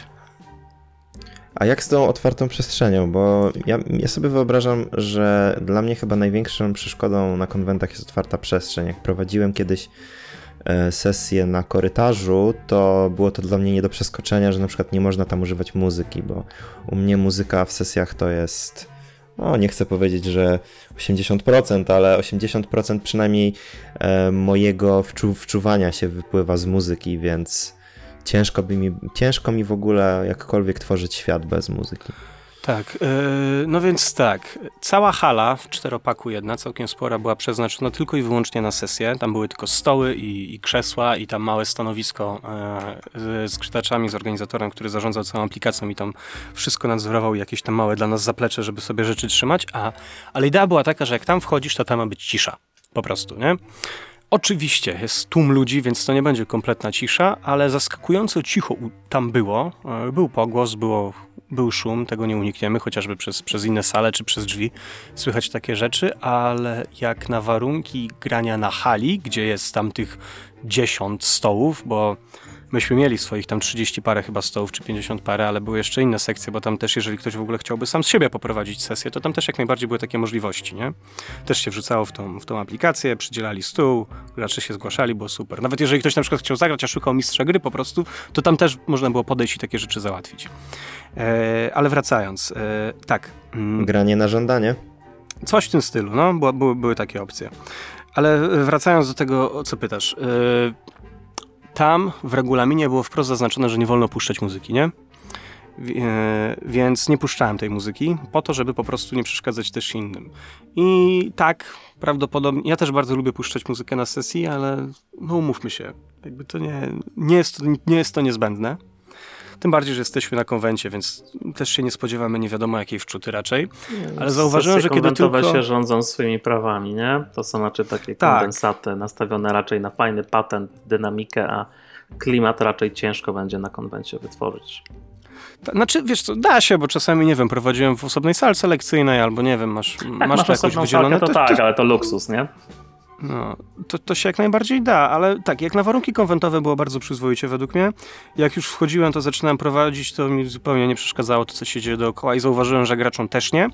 Yy, trzeba było tylko się pilnować, żeby mówić dosyć głośno, no bo jednak ten głos gdzieś ucieka, jak masz tyle przestrzeni dookoła. E, no ale była taka umowa, że nie puszczałem muzyki. Mało tego, jak ktoś tam by wszedł, jakaś grupa, e, po prostu ludzi, które szły przez Pyrkon i, i puszczała muzykę, to od razu byli uciszani, także tam naprawdę tego pilnowano i przestrzegano, żeby, żeby, żeby te sesje były w komfortowych warunkach e, na tyle, na ile jest możliwość i, i wyszło to bardzo, bardzo sympatycznie. Miałem wrażenie, że żaden gracz nie wychodził jakoś tak totalnie rozczarowany albo niezadowolony po tych sesjach. Mi się wszystkie podobały, które prowadziłem. Pozdrawiam graczy, jeżeli słuchają. E, Bardzo fajnie się z wami grało mm, te sesje. Mm, Więc tak. No, jak Mam na nadzieję, Pyr- że jak na reklamowałeś, Pyrkon bardzo więc fajnie. jest szansa, że słuchają. No wiesz co, właśnie tak zapomniałem z tego wszystkiego. Będę musiał następnym razem. Muszę wrócić za rok i to poprawić. No, tyle. Taki jest, taki jest wniosek. No, ale Pyrkon to No nie to tylko... na bazyliszku nie możesz zapomnieć. Tak, na bazyliszku już nie zapomnę. No dobra, Natomiast Pyrkon powiedz, to nie coś tylko na Pyrkonie sesje. ciekawego wyciągnąłeś No właśnie. RPGowego? E, Jakieś przede e, wszystkim- ciekawe lekcje, obserwacje? Tak, przede wszystkim y, były spotkania z takich gości, którzy mnie interesowali. No, nie znam, nie, nie, nie sprawdzałem całej listy, ale gości Pyrkonu tych RPGowych, którzy mnie najbardziej interesowali, to przede wszystkim był Amit Moshe, czyli właśnie twórca Miasta Mgły. Byłem u niego na dwóch prelekcjach i na jednym panelu dyskusyjnym, w którym brałem udział. Te rozmowy były dla mnie bardzo e, interesujące. W ogóle bardzo sympatyczny gość, zostawał długo po tych prelekcjach, można było sobie z nim pogadać, tam fotkę cyknąć, tam dopytać go. Ludzie opowiadali jakieś swoje sytuacje, które mieli podczas sesji Miasta Mgły i on tam jakoś na to, na to reagował i widać, że nie był sztucznie zainteresowany tym, co ludzie mówią, tylko faktycznie zbierał, zbierał ten feedback, był, był zainteresowany, jak, jak, jak, jak to ludzie e, odbierają tą, tą jego grę. E, z tego, co niestety dowiedziałem się post factum, ale prowadził też na stoisku Black Monków e, sesję Miasta Mgły. Niestety no, nie, nie, nie, nie dotarłem tam, bo nie wiedziałem. E, No, ale to jedno, to co on powiedział, to chętnie bym podyskutował, przy, ale może tak osobno przy innej okazji, bo ogólnie mówił o, mm, co to jest Cinematic RPG w kontekście Miasta Mgły, czyli właśnie jak tworzyć sesje, żeby miały poczucie filmowe. Oraz e, mówił też właśnie o systemie tagów, czyli w zasadzie to, na czym się zasadza, na zasadza Miasto Mgły. Nie mamy statystyk, mamy tagi. E, jakie są ich zalety, jakie są ich wady, co z nimi robić, to, to było całkiem, całkiem interesujące. Tam mówił przez ileś tam 10 minut, a potem to już były po prostu pytania, jakie ludzie do niego rzucali, tak w cudzysłowie atakowali te tagi, on właśnie sugerował różne rozwiązania, jak sobie z tym poradzić, także to było całkiem fajne. E, ale oprócz tego była jeszcze tam mm, Marisa Kelly, tam współtwórczyni na przykład Awatara albo mm, Bluebird's Bride e, i był tam też e, z nią bodajże Martin Diaz Truman, jeżeli dobrze wymawiam nazwisko, pamiętam. Oni mieli bardzo ciekawą prelekcję, znaczy ciekawą. Dla mnie wiele tam nie odkryli, ale, ale było interesujące, było dla wielu ludzi, uczestników wydawało się to interesujące. Oni mówili o czymś, co się nazywa holding environment, czyli to środowisko, wokół którego się obracamy w ramach gry. Czyli na przykład, e, taki pierwszy przykład z głowy, w Ostrym Dyżurze środowisko, w którym się obracają postaci, to jest szpital. E, e, W Prawo i Porządek to będzie środowisko, w którym się obracamy, to jest e, sprawa, która jest w danym odcinku rozwiązywana. W Bluebird's Bride to jakby oczywistym rozwiązaniem wydaje się, żeby uciec z tego domu, no ale wtedy nie będzie gry, nie? Więc nasze środowisko to jest właśnie eksplorowanie tej posiadłości. E, no, także to była całkiem też e, interesująca e, prelekcja. A tak to co? A tak to głównie pieniądze wydawałem, nie będę ukrywał, bo po to się jedzie na Pyrkon. Czyli E, jakbyś miał podsumować, to dla tych, kto na przykład, którzy nie wiedzą, co to jest Pyrkon i co tam można ciekawego zobaczyć albo usłyszeć, to, to jakbyś to podsumował w jednym albo w dwóch zdaniach? Oj, wiesz co? To ciężko podsumować w jednym albo dwóch zdaniach, bo to jest miejsce, gdzie jest nie tylko, mm, gdzie spotykają różni fani mm, środowisk około fantastycznych, bym powiedział. Bo ja mówiłem o RPG-ach, ale to RPG to jest tam mały wycinek tego Pyrkonu, bo jest cały duży dział poświęcony mandze i anime, bardzo duży dział skupiający się głównie na cosplayu, na grach planszowych tam i innych ich flaworach, czyli tam gry bitewne i tego typu sprawy, e, jakieś warsztaty, jakieś tam bardzo, bardzo, bardzo, bardzo, bardzo wiele jest te, tego typu rzeczy. E, mi to się bardzo wydarzenie skojarzyło trochę z Woodstockiem, tylko takim powiedzmy z, mniejszą, z niższą średnią wieku raczej, no bo statystyczny, znaczy w sumie nie wiem ile lat ma statystyczny uczestnik Pyrkonu, ale to jest raczej osoba młoda mi się wydaje, tak rozglądając się po korytarzach. E, A to, co mi się skojarzyło z Woodstockiem, to to, jakie tam jest nastawienie ludzi, czyli mm, są tacy raczej nie krytykujący, bardziej mają takie, powiedziałbym, otwarte umysły, chcące poznawać nowe rzeczy, dzielić się rzeczami, które im się wydają interesujące i, i opowiadać je dalej. No taki prosty przykład, rozmawiałem z, z gościem, kurde, on miał chyba ksywę Baldur, nie pamiętam. Był rolnikiem, znaczy jest rolnikiem, jeżeli to słuchasz, to pozdrawiam. Znajdę cię, bo podleciłeś mi dobrą rzecz. No właśnie, byliśmy po Pyrkonie na jakimś tam małym afterku, po jednym z dniu Pyrkonów e, i opowiadał mi o audiobooku Dokoła Czasu, seria książek fa fantazy, które, które notabene właśnie zacząłem słuchać te audiobooki, e, bo mnie na tyle zainteresował, że, że zdecydowałem się dać im szansę. E, I to, co mi się spodobało po tym, jak opowiadał o nim, to nie wiem, kilkanaście minut powiedzmy, skończył, spojrzał na mnie i powiedział, no dobra, a, a ty co mi polecisz? I to było dla mnie takie, o kurde, nie? To jest jakby dla mnie kwintesencja tego właśnie, co, co widzę na Woodstocku. I Tam nie jestem tylko po to, żeby ja tu jestem gwiazdą i będę mówił ludziom, co mam robić, tylko idę tam, żeby doświadczać. Mm, Dowiadywać się, dowiadywać się nowych, e, poznawać nowe rzeczy, spotykać z ludźmi, właśnie wymieniać poglądami. Bardzo, bardzo mi się to nastawienie e, podobało. Organizacyjnie było super. E, słuchajcie, no jeżeli nie byliście, to myślę, że warto się wybrać, zobaczyć. To być może nie jest dla was, no bo to są jednak tłumy ludzi. Nie każdy lubi takie miejsca, ale, e, ale warto spróbować i, i, i wtedy dopiero wyrobić sobie ocenę, czy, czy, to, co, czy, czy jest to coś dla nas, czy nie jest to coś dla nas, nie? Dla mnie chyba już na Pyrkonie za bardzo przytłaczające jest to, że wiadomo, ilość ludzi jest dla mnie dość przytłaczająca, ale chyba najbardziej to, że jest za dużo punktów, na których chciałbym być naraz i jestem trochę rozdarty pomiędzy pójściem na punkt, na dwa punkty w tym samym czasie i ostatecznie często kończy się tak, że po prostu na nic nie idę. Tak, no to wyobrażam sobie, że może być to problem, jeżeli, takie, jeżeli masz takie, dostrzegasz takie, takie, takie, takie problemy, to, to, to zdecydowanie Pyrkon jest. I zdarzało mi się no, też. Zdarzało mi się też tak, że odległości pomiędzy tymi miejscami były tak duże, że po prostu nie było szansy się wyrobić. Także obecnie chyba jestem po prostu. Stawiam na mniejsze konwenty, gdzie łatwiej jest jak najwięcej po prostu mm, złapać punktów tych prelekcyjnych, bo szczerze mówiąc, te punkty usługowe są dla mnie chyba najmniej interesujące. Tak, to jest fair. Ja pierwszego dnia chyba z zegarka patrzyłem, zrobiłem ze 30 km, gadałem z jednym gościem, że zrobił 40, a to pierwszy dzień był, a dni są trzy, więc no jest co, e, jest co, jest co chodzić. No ale mówię, można zobaczyć naprawdę ciekawe, ciekawe rzeczy, na przykład sesję, którą Tak, prowadził pod względem. Cho- Mhm. Chciałem powiedzieć tylko, że pod względem chodzenia to zgodzę się z porównaniem do Woodstocka. Tak, no tam jest, tam się na, nadreptasz, nie? Mówię, gadałem z gościem, po, e, bo byliśmy na sesji, którą prowadził Dredu e, w świecie Diablo, w systemie, który właśnie, w trakcie którego jest tworzenia, z tego co wiem. E, Sesja bardzo ciekawa, bo brali tam udział, brał tam udział Rysław, który jest jednym z głównych tłumaczy Diablo 4 i brali tam udział aktorzy głosowi, teraz nie wymienię nazwisk, bo nie pamiętam, którzy też brali udział w polskim dubbingu do Diablo 4. No i to było takie trochę małe, powiedzmy, polskie critical role, bo to od razu słychać, że ta osoba potrafi pracować głosem i, i dykcją i przy mikrofonie i, i, i to e, robili to na scenie, na której normalnie były pokazy jakieś cosplayowe, więc można było się pod tą sceną położyć, zamknąć oczy i po prostu totalnie wychillować. No i potem właśnie spotkałem jednego, jednego tam gościa, który mówił, że no ja pierwszego dnia 40 tam 1 kilometrów zrobiłem. Super. I prowadził tę sesję kto? Dredu prowadził sesję. Mhm. Ona będzie chyba w necie, nie? Spoko. Z tego co mówił, że on gdzieś tam rzuci. Bo a właśnie, bo to była w ogóle pierwsza na żywo streamowana sesja z Pyrkonu, taka ciekawostka, bo chyba pierwszy raz udało się ogarnąć internet odpowiedni tam. A ty Bartek, jakie masz wspomnienia z Pyrkonu? Wiem, że w tym roku nie byłeś, ale z Tak, lat. no dawno już nie byłem, 6 lat temu ostatni chyba mój Pyrkon, jak nie więcej.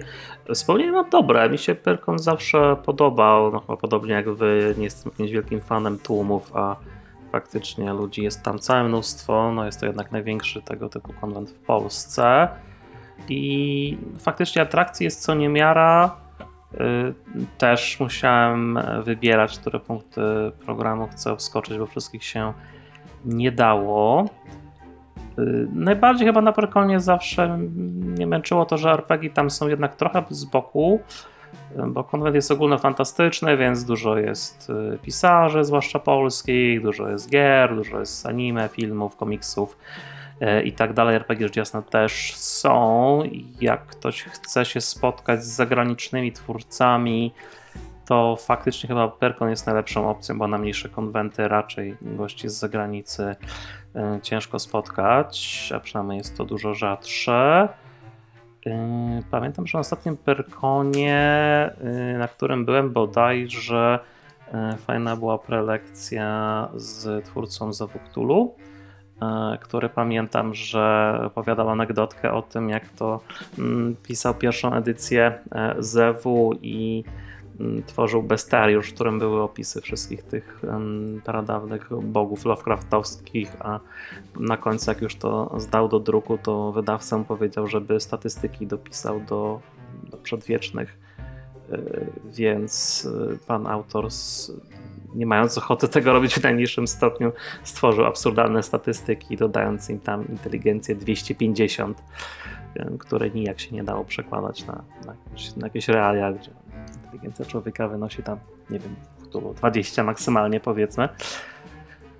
E, Także widać e, było całkiem fajnie, że nawet na etapie powstawania tej pierwszej edycji to e, te oczekiwania staroszkolnego RPGa, który miał być bardziej jak Dungeons and Dragons, dalej tam było obecne. Także ja też tylko polecam, zwłaszcza jak ktoś nie był, jak to wam nie straszne, na pewno jest tam najwięcej atrakcji. Jeżeli chodzi o RPG, to pewnie lepsze są jednak te kameralne konwenty, bazyliszki czy zjawy. Mhm.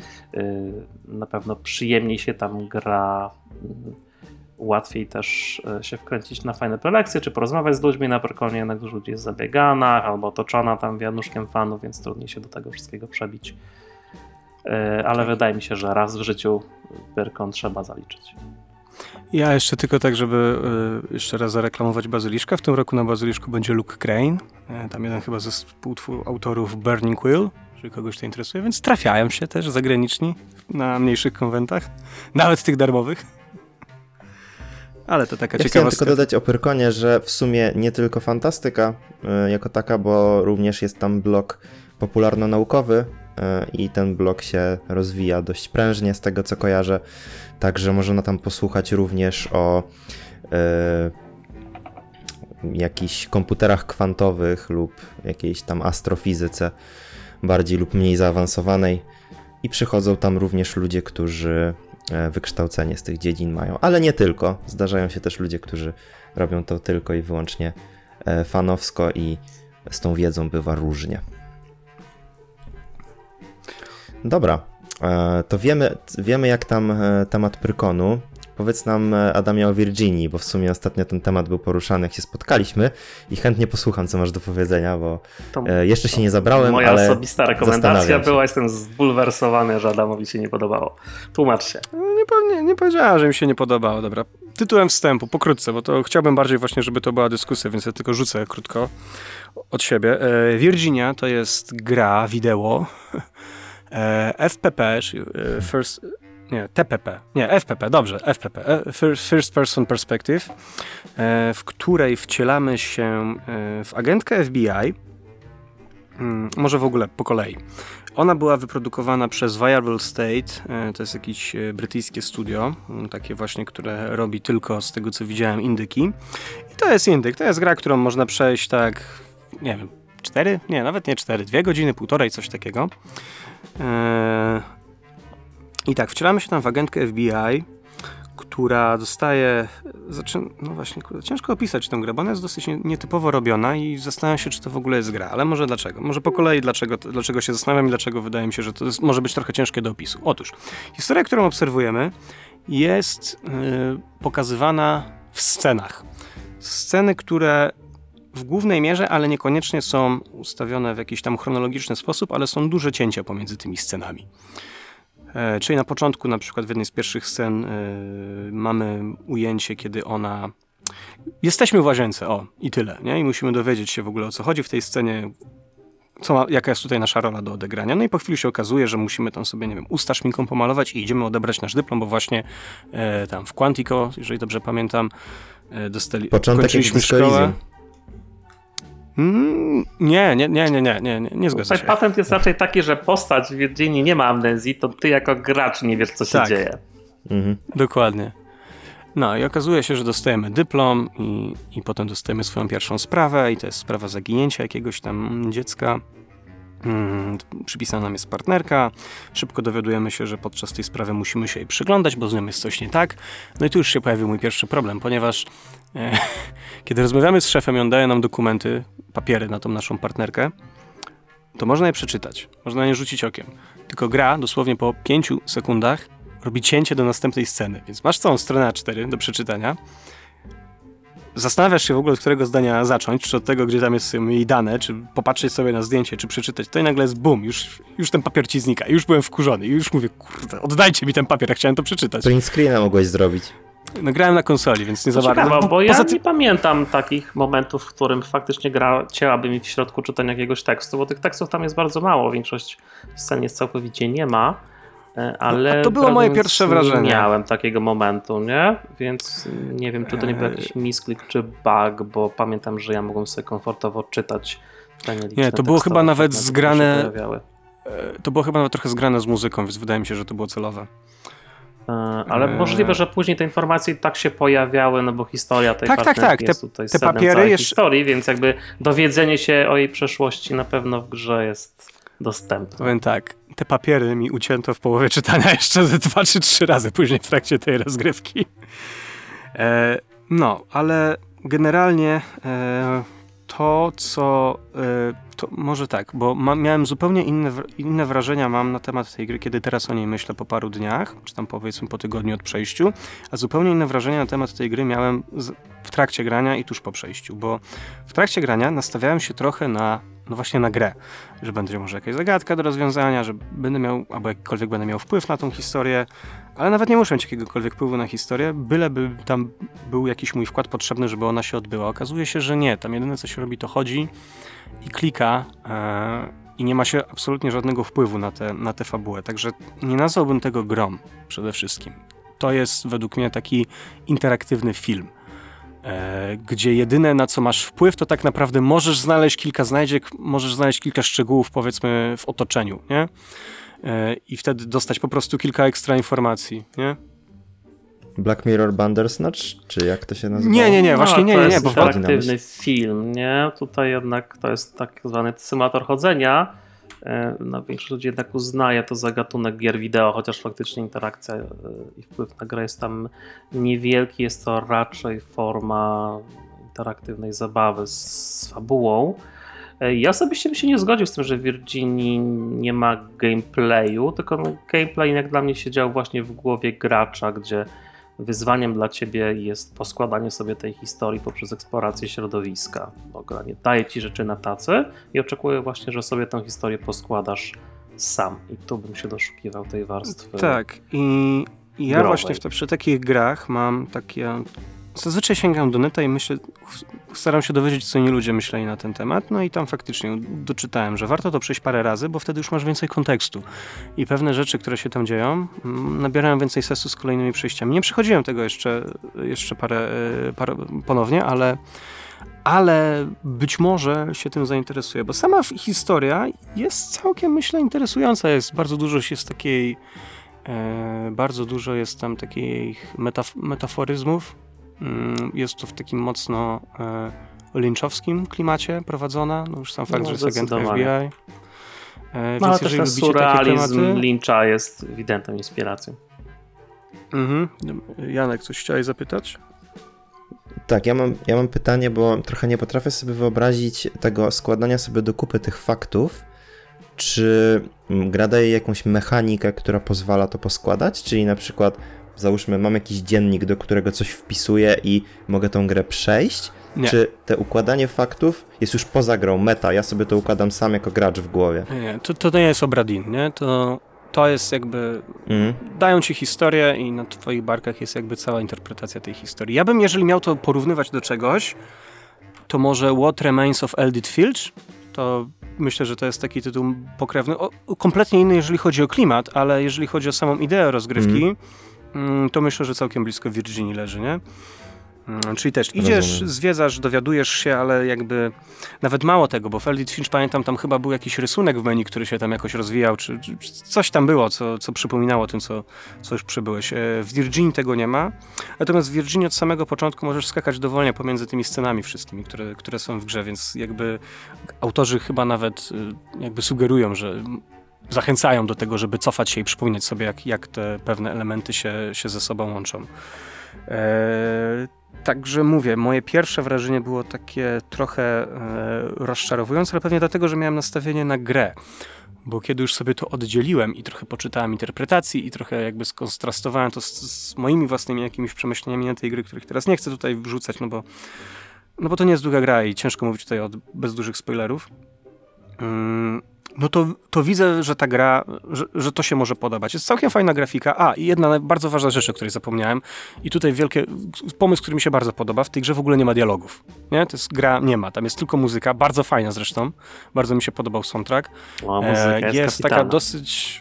No, jest taka dosyć prosta grafika. E, nie wiem, to się chyba cel shading nazywa, albo coś tak w, w jego okolicach.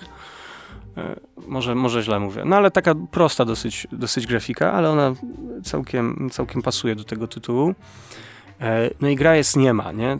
E, Chociaż widać, że postaci tam wchodzą w jakieś interakcje i można jakby z kontekstu się domyślić, co, jakie interakcje między nimi zachodzą. Także to też jest ciekawe, jak właśnie zrobić grę i przedstawić scenę pomiędzy dwoma różnymi bohaterami, kiedy oni, sobą, kiedy oni się nie odzywają, nie? E, Dokładnie, wydaje się, to jest właśnie ten element gameplayu, że jesteś wyrzucony w scenę, nie masz na nie bezpośredniego kontekstu, bo sceny nie są ułożone tak, że kolejna scena to jest od razu wynik konsekwencji poprzedniej, a ponieważ nie masz możliwości posłuchania postaci, porozmawiania z nimi, to obserwując postacie, rozpoznając ich twarze, reakcje, mm, gesty, czy miejsce, w którym się znajdują, musisz sobie poskładać, że aktualnie jesteś w domu rodziców zaginionego chłopaka, bo jego matka płacze właśnie na kanapie, a ojciec rozmawia z e, szeryfem. E, I to jest właśnie dla mnie ten fajny element, nie? że nagle nie zdajesz się na um, interpretację historii, tak jak jesteś przyzwyczajony w grach komputerowych, czyli z reguły jednak masz te dialogi, e, gra ci podaje dużo rzeczy na taca, tutaj masz tak naprawdę tylko ten środowiskowy storytelling, i być może jest nawet fajna lekcja do prowadzenia RPGów, jak czasami przekazać pewne rzeczy graczom, niekoniecznie mówiąc im wprost jak jest, albo wciskając coś w usta bohaterów niezależnych. Mhm. Ciekawe. Tak, ja myślę też, że tobie Janek się spodoba. E, warto, żebyś sobie, że mo, nie inaczej, może, że ma szansę ci się spodobać, bo tam były sceny, które aż nawet kojarzyłem Mhm. bezpośrednio z naszą jedną tam sesją kultu, bo też tam była taka, że bohaterka wchodzi, nie wiem, w drzwi bodajże w swoim mieszkaniu, a wychodzi już na przykład tam w mieście obok. Przejście przez te drzwi jest jakby od razu przejściem do kolejnej sceny. Co mi się mocno skojarzyło z tym, że na Mhm. kulcie dokładnie coś takiego mieliśmy. Chyba pamiętam, moja postać wyszła z domu, a weszła do restauracji i tam już miałem jakąś inną scenkę rodzajową. E, I tam jest dużo Mhm. takich zabiegów. E, tam jest dużo takich, e, dużo symbolizmu, który można bardzo różnie interpretować. E, jeżeli lubicie sobie takie, wiecie, kminić, no to, to faktycznie może. E, to pod tym względem ta gra daje takie duże, duże pole, ale to jest właśnie bardziej gra do, do interpretowania, tak jak Bartek powiedział, nie? To nie jest. Tam, tam nie ma takiego gameplayu w sensu stricte, nie? To jest raczej historia Tak, do interpretacji. Gdybym Lubić, to. lubić tego typu gry, nie? Takie Vanishing of Ethan Carter, czy jak już powiedziałeś, What Remains of Edith Finch. Jak Tak. ktoś lubi te gry, to moim zdaniem warto sprawdzić. Gra i tak jest na maks 3 godziny, więc nie jest to duża inwestycja czasowa. Wyszła Tak, kupę ja temu, więc teraz pewnie tania jak barszcz. Ja zapłaciłem na PlayStation 40 zł i to była pełna cena chyba, albo 42, coś takiego. Ale zgaduję, że na Steamie pewnie będzie w jakiejś wielkiej promocji, nie sprawdzałem. Akurat tam była pełna cena. Albo na Humble Bundle można zgarnąć pewnie za, nie wiem, 2-3 dolary za wsparcie No, pewnie tak. organizacji. Gra jest z 2016 roku, sprawdzałem przed chwilą, także e, nie powinna jakoś tam was bardzo nadwyrężyć. Ale jest krótko, uprzedzam, nie? Dwie godziny mniej więcej to jest maks, jaki przy pierwszym No, przejściu myślę, że to jest akurat nie? atut. Gdyby była zbyt długa, to ta konwencja byłaby już męcząca, a tak opowiada dokładnie taką historię, jaką chce, nie przytłacza. Nie, no tak, zgadzam się, Trzy nie? godzinki Bo- są dla mnie tak w sam raz. i wtedy też ma sens przechodzenie parokrotnie, bo to nie jest jakieś wielkie poświęcenie, żeby to zrobić, nie? To, mm, Tak, to nie jest wada. nawracać To do konkretnych scen. Okej, to ruszmy może dalej z tematem odcinka, czyli czy są uniwersalne elementy sesji, które bawią wszystkich? Czekajcie. Druga część pytania, czy można organizować sesję, która y, będzie bawiła każdego niezależnie od upodobań? Czy mamy takie systemy, albo czy mamy takie scenariusze, które raczej do wszystkich trafią?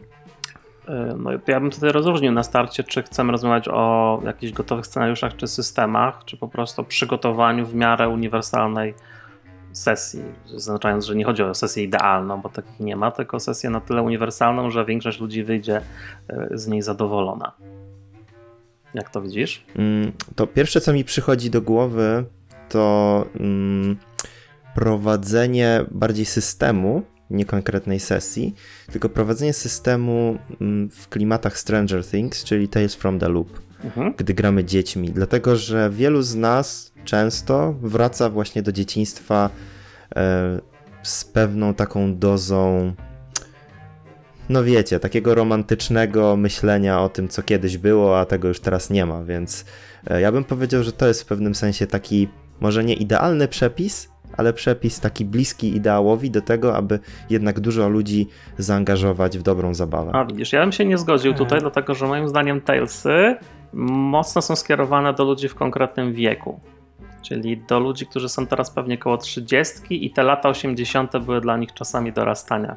Bo jak ktoś ma 16 lat, to trochę ciężko będzie musiał utożsamić z tym tematem, który Talesy oferują.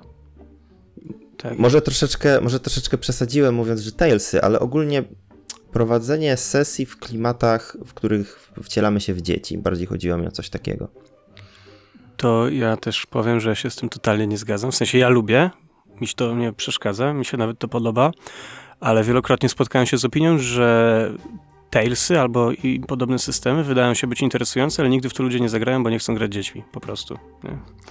Więc już samo to, Okej. już samo dla wydaje nich sobie że to jest, system dla nich skierowany do dorosłych, bo tylko dorośli, powiedzmy ludzie około 30 już mają tą nostalgię za dzieciństwem. W momencie, kiedy jesteś na studiach i grasz sobie w Warhammera, to niekoniecznie masz ochotę y, wcielać się w ośmiolatka. Y, Także wydaje mi się, że ten uniwersalizm, przynajmniej w Stranger Thingsach, w- wróć, nie w Stranger Thingsach, tylko Tales of the Loop, no nie do końca bym go tam wstawiał. Znaczy, zgodzę się, że faktycznie jakby wszyscy możemy empatyzować z dzieciństwem, ale to chyba nie Tales of the Loop, które jest osadzone w bardzo konkretnych realiach.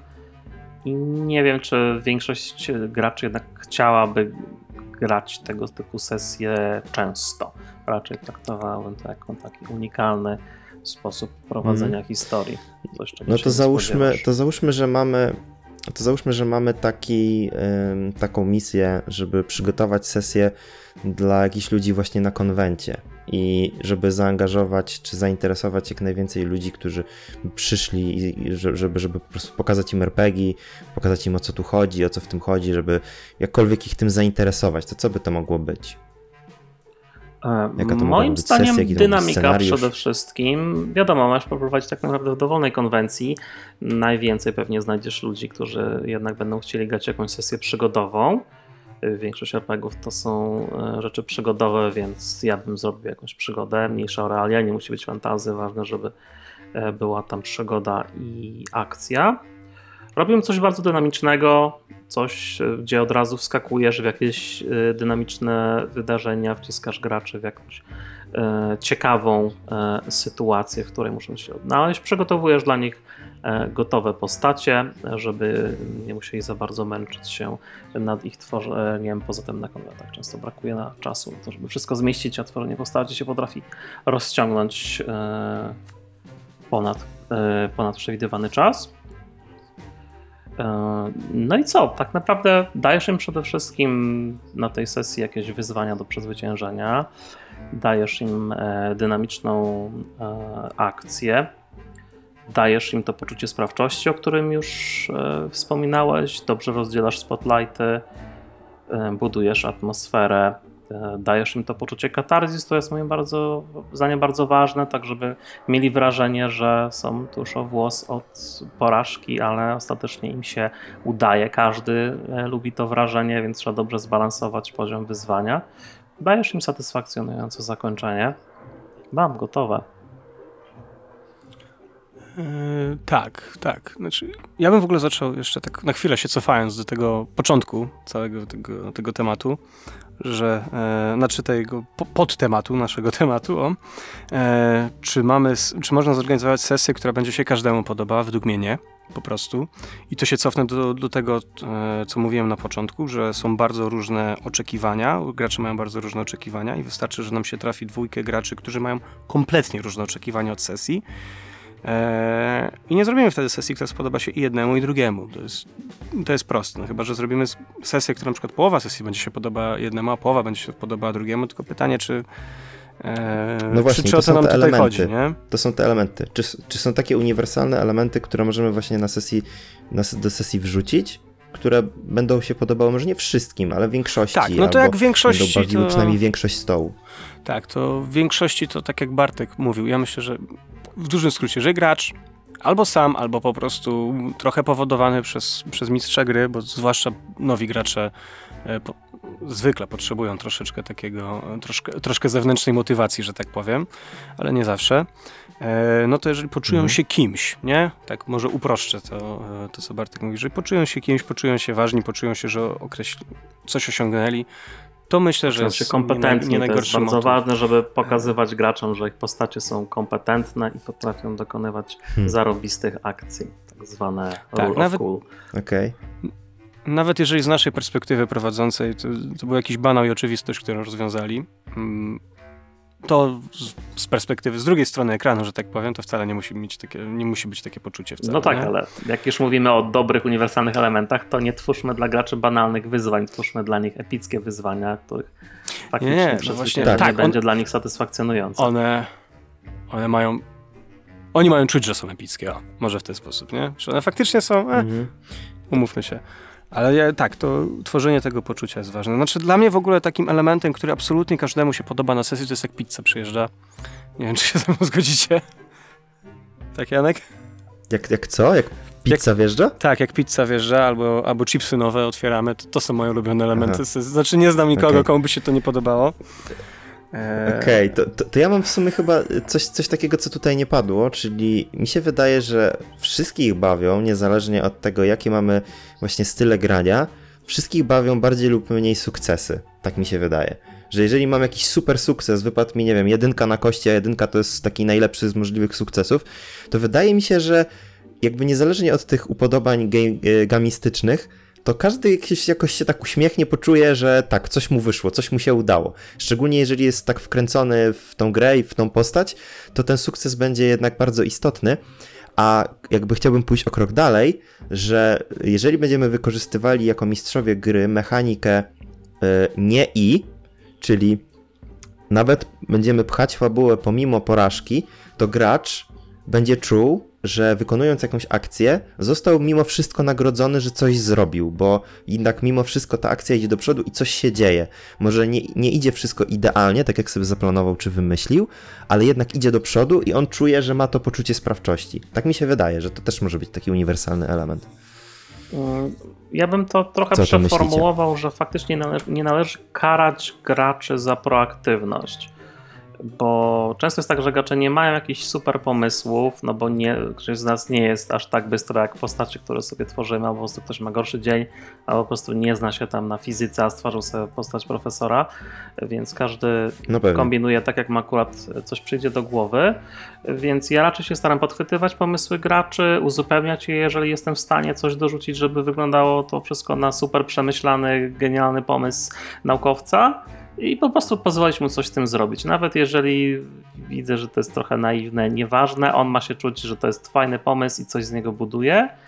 E, A jeżeli widzę, że ten pomysł ma jakieś duże wady, to po prostu mówię: hej, słuchaj, twoja postać wie, że ten pomysł tutaj potrzebuje jeszcze coś dopracować, co chcesz tym zrobić. Nie? Bo możesz zaryzykować, ale potencjalnie będą takie konsekwencje, ale nie mówisz mu, nie, to głupie, nie, nie rób tego.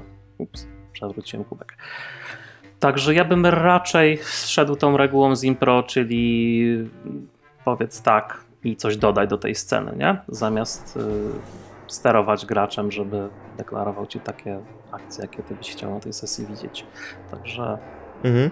ja lubię też, jak mistrz gry po prostu podchwytuje i rozwija ze mną mój pomysł, zamiast nim gdzieś tam sterować na boki. Tak, ja mam też takie wrażenie właśnie, że jeżeli e, gracz to, to mi się na przykład właśnie w Wesem podoba, bo to fajnie łatwo można wykorzystać, tam jest to trochę wpisane w mechanikę. Tam na początku, można to degrać, e, na jednostrzałach raczej się tego nie odgrywa, tylko robi się krótki opis, pytasz graczy, jak oni się przygotowują do tego, co ich będzie czekało gdzieś tam.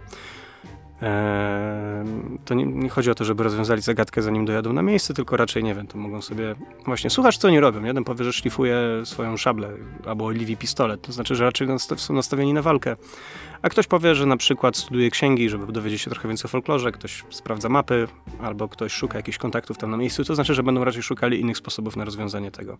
Więc generalnie mm, w ten sposób bardzo łatwo można się dowiedzieć, czego, jak gracze sobie wyobrażają, że będą podchodzili do danego problemu. I wtedy jakby przygotować rozwiązanie na żywo tego problemu pod to, co, do czego oni się przygotowali, nie? I, i wtedy ich postaci mają jakby sens istnienia w tym, Ale są przygotowani też, do tego problemu. ich pomysły, nie? No tak, tak, tak, tak, tak, oczywiście, to, e, Mhm. to się łączy. E, I u mnie to się zawsze bardzo właśnie e, fajnie sprawdza, więc ja słucham graczy, jak się przygotowują, dlatego tak bardzo też lubię Wesem, bo tam to jest po prostu wpisane. Słucham, jak się przygotowują i aha, dobra, no to widzę, to tego, to, to Wesem będziemy załatwiać jednak siłowo, może niekoniecznie samo stworzenie, bo to mi średnio pasuje do tego folkloru, ale nie wiem, żeby się do niego dostać, albo dostać do jakiegoś istotnego elementu, aby je odpędzić, no to tam będzie, nie wiem, będą silni ludzie, albo jacyś zbóje, którzy będą tego bronili albo będzie, będzie trzeba kogoś przegadać, albo coś innego, tak żebyście mogli faktycznie skorzystać z tych, e, z tych swoich postaci, nie? To mi się wydaje, że tak mm, takie poczucie bycia potrzebnym, o, tworzenie takiego poczucia bycia potrzebnym myślę, że, że się też zawsze uniwersalnie dosyć powinno sprawdzać. E, No właśnie, więc już mamy jeden uniwersalny element, czyli to poczucie sprawczości. Chyba każdy gracz na sesji tego oczekuje, być może w różnym stopniu, czy niektórzy wolą wpływać na sesję tylko od czasu do czasu, żeby nie być cały czas w centrum uwagi, bo czują się z tym niekomfortowo. Ale każdy chciałby coś dołożyć do sesji swojego aktywnego, wpływając na ostateczną porażkę albo sukces, czy wybór zakończenia. Czyli jestem typowym drużynę. graczem, bo ja lubię jak w każdej scenie czuję, że mam wpływ na nią.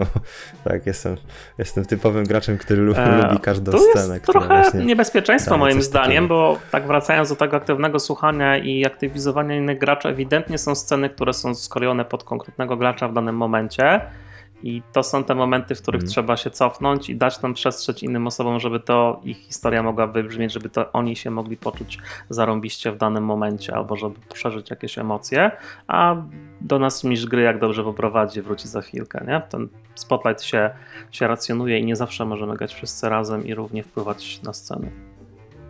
Nie, no jasne, w momentach podziału, w momentach, kiedy moja postać nie uczestniczy albo jest No. gdzieś tam w tle, to Czasami nie też oczekuję jesteś w tego, scenie, aby, jesteś obecny, ale wiesz, że reflektor jest skierowany na inną postać, bo ta scena jest tak naprawdę o niej, nie? Mm, nie, no jasne, jasne, oczywiście. Czasami na przykład masz pomysł, jak rozwiązać jakiś problem, ale wiesz, że to jest scena tej postaci i pozwól jej to Mhm. wymyślić, nie? Tak, Jasne. kurde, ludzie, tak, tak, tak, to, to powinni, wiele osób powinno sobie to uświadomić. Nie wszystko na sesji jest o nas. Nawet jeżeli mamy super napisaną postać. Mhm. Muszę sobie to zaaplikować w swoje, w swoje granie. To Mm, zdanie. Nie, no. Wiesz, to się... Dobra, nic nie mów. Nie, nie, właśnie ja... Ja już wiem, że muszę się e, poprawić. No myśmy jednak z tego co pamiętam chyba tylko... A nie, dobra, graliśmy przecież y, całą tą... Ale ja nie, grając tam akurat Tak. nie miałem takiego poczucia, żebyś kradł mi coś, czy coś takiego. No raczej nie. Ale, ale lubiłem być centrum uwagi. E, dobra. E, myślę, że ten temat już jest w sumie wyczerpany, czyli co? Czyli nie możemy zrobić, e, nie możemy zorganizować uniwersalnie dobrej sesji, ale możemy próbować aplikować takie e, uniwersalne, powiedzmy, elementy, które bardziej lub mniej będą bawiły może nie wszystkich, ale przynajmniej większość graczy przy stole, tak? Myślę, że dało się stworzyć sesję, która będzie przyzwoitą, dobrą zabawą dla zdecydowanej większości osób. Mhm. Tak, na takie coś, na takie stwierdzenie Okej. jestem w stanie się zgodzić. No i oczywiście pizza, wszyscy lubią pizzę. Tak, Mhm. z ananasem. No i co? No i musimy pamiętać, że dobra zabawa zależy przede wszystkim ode mnie, bo to ja chcę się, muszę chcieć się dobrze bawić, żeby móc się dobrze bawić. Nikt Tak. nie zapewni Nie mi dobrej poruszyliśmy zabawy, w sumie jeśli tematu na pozytywnej energii na sesji, a to też wydaje mi się bardzo ważnym komponentem, żeby każdy wchodził w tę sesję, nawet jak jest zmęczony, z chęcią pozytywnego Mhm. zanurzenia się w tej historii. Wtedy ta energia, wierzcie mi, udziela się przy stole. Ja jako Czyli co? się, Uśmiechajcie się i będzie lepiej. e, Tak jest. Odnoście się pozytywnie do innych graczy, zarówno jako mistrz gry, jak i gracze. Wszystkim się ta energia naprawdę udzieli, będzie się grało lepiej. E, No dobra, to może ja się podzielę teraz e, swoim e, ostatnim odkryciem e, popkulturowym. Jest to konkretnie film Coherence, e, z, na polski przetłumaczony jako Równoległa Rzeczywistość. Jak zwykle, a z tłumaczeń. Tak, ko- kolejne, kolejne najlepsze tłumaczenie. Tak. E, możecie sobie sprawdzić na Filmwebie, jaką ma cenę. Nie chcę mówić, bo niektórzy się tym sugerują. E, wspomnę tylko, że y, film jest, y, jest to science fiction, określany również jako thriller, jak science fiction. Ja bym mógł nawet powiedzieć, że jest to pewnego rodzaju horror. E, Chociaż to już definicja horroru jest bardzo, e, bardzo płynna i ile osób, tyle opinii, jaka powinna być. E, Natomiast no, sam film dotyczy spotkania grupy przyjaciół w pewnym domu. Większość akcji dzieje się, właściwie cała akcja mogę powiedzieć, że dzieje się w nocy, chociaż nie ma to większego znaczenia, ale bardziej znaczenie dla klimatu. I istota tej nocy jest taka, że e, na niebie pojawiła się kometa, która e, która mija Ziemię w jakiejś tam odległości, jest w sumie bardzo blisko, co okazuje się w sumie w pierwszych dwóch scenach, e, że jest tak blisko, e, że na Ziemi dzieją się dziwne zjawiska, dziwne zdarzenia i przypisywane one są tej komecie. Przestają działać telefony, jakieś tam wyświetlacze pękają, takie wiecie, bardzo standardowe zabiegi e, żeby bohaterowie zostali odłączeni od e, wszelkiego, e, wszelkiej możliwej e, drogi kontaktu ze światem zewnętrznym, ale w sumie nie jest to aż tak bardzo potrzebne. To jest bardziej sposób na pokazanie, w jakiej znaleźli się sytuacji. I co ciekawe, im dalej wchodzimy w ten film, tym mniej wiemy. To jest taki rodzaj filmu, w którym wydaje nam się, że mamy coraz więcej faktów, ale te fakty są coraz bardziej i coraz bardziej przytłaczające i sprawiają, że nasza wiedza o tym, co się faktycznie wydarzyło i o co tu chodzi, jest coraz mniejsza. Dlatego ja ten film lubię. E, Spotkałem się i czytałem różne opinie na temat tego filmu, bardzo pozytywne i bardzo negatywne, że jest przekombinowany, pseudonaukowy, nielogiczny i tak dalej. Natomiast y, ja wyciągnąłem dla siebie z tego filmu wiele ciekawych scen, y, którymi będę się na pewno kiedyś tam inspirował w RPGach. I myślę, że jest to pozycja, którą warto gdzieś tam sobie wpisać y, na listę. Mm, Jest to film reżyserii Jamesa Warda Birkita. Nie znam, więc nie jestem w stanie nic o nim powiedzieć. Natomiast sam film dostał jakieś dwie nominacje. E, nie wiem do czego. Mm, Chyba nie, chyba nie jest to. No mogę sprawdzić. Nominacje Gotham. E, także, mm, także nie Oscary. Hmm, co mogę więcej powiedzieć? Może macie jakieś pytania? E, No właśnie, powiedz, coś, czy coś w tym filmie jest charakterystycznego, bo na razie jakby brzmi bardziej jak horror niż science fiction. Czy to science fiction tam to jest tylko ta kometa, która tak naprawdę jest pretekstem do horroru, czy jest tam jakiś bardziej element naukowy? Jest element naukowy, nie chcę o nim mówić, bo on się spoiler. pojawia nie na początku, tylko tak, jest, jest, może to być spoiler. Mm, są odwołania właśnie do fizyki, są odwołania do manipulowania czasem i jest to takie manipulowanie czasem, które nie wrzuca nas w tę y, niekomfortową pętlę czasową, która jest nie do wytłumaczenia, tylko bardziej mm,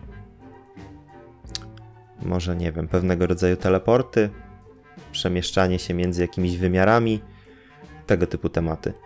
Y, I chyba nie będzie dużym spoilerem, jak powiem, że mogą się pojawić alternatywne rzeczywistości. No tak, strzelałem, że ta koherencja z tytułu to pewnie coś z fizyką Phantom. Mhm. A do czego byś to porównał, tak klimatem mniej więcej? Mm.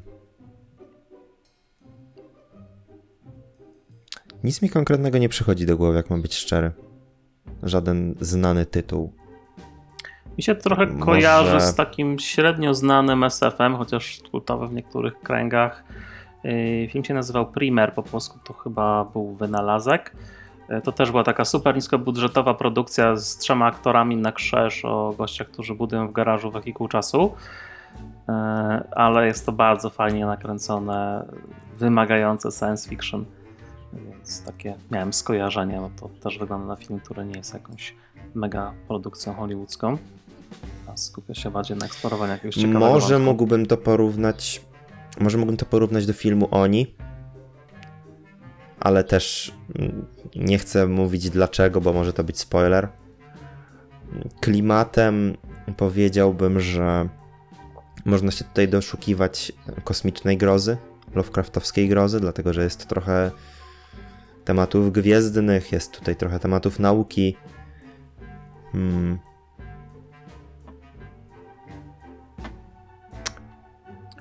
Jest to na pewno, tak jak powiedziałeś, niskobudżetowa produkcja, co widać już od pierwszego ujęcia, dlatego że kamera się rusza. I nie wiem, czy to celowy zabieg, czy nie. W każdym razie e, ewidentnie ktoś położył sobie kamerę na barkach i nie potrafił jej ustabilizować. Jest to na początku trochę irytujące, ale im dalej się w ten film zagłębia, tym mniej przestaje to mieć. E, bardziej przestaje to mieć znaczenie jakiekolwiek. Aktorów znanych tutaj nie zobaczymy. Przynajmniej ja ich nie znam. E, Nie wiem, obejrzyjcie. Serio. I dajcie ja znać, chętnie bo. sprawdzę. Ja bardzo lubię niszowe, niskobudżetowe SF-y, bo z reguły znaczy to, że e, autorzy mieli jakiś pomysł na film, tylko niespecjalnie mieli na niego pieniądze. A w blockbusterach różnie z tą fabułą bywa i często są tylko wybuchy i lasery, więc ja chętnie sprawdzę. A ile on trwa, tak mniej więcej? Tak. Mogę nawet ci powiedzieć dokładnie, bo mam otwartą mm, stronkę. E, Godzina i 29 minut, O, więc nie to jest jest- jakaś duża To inwestycja jest bardzo dobry czas trwania filmu według mnie. 90 minut.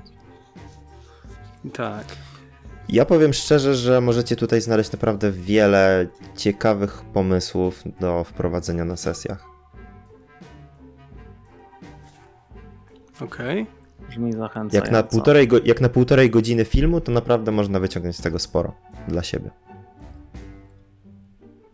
Jak jest kosmicznego, A- no za to biorę.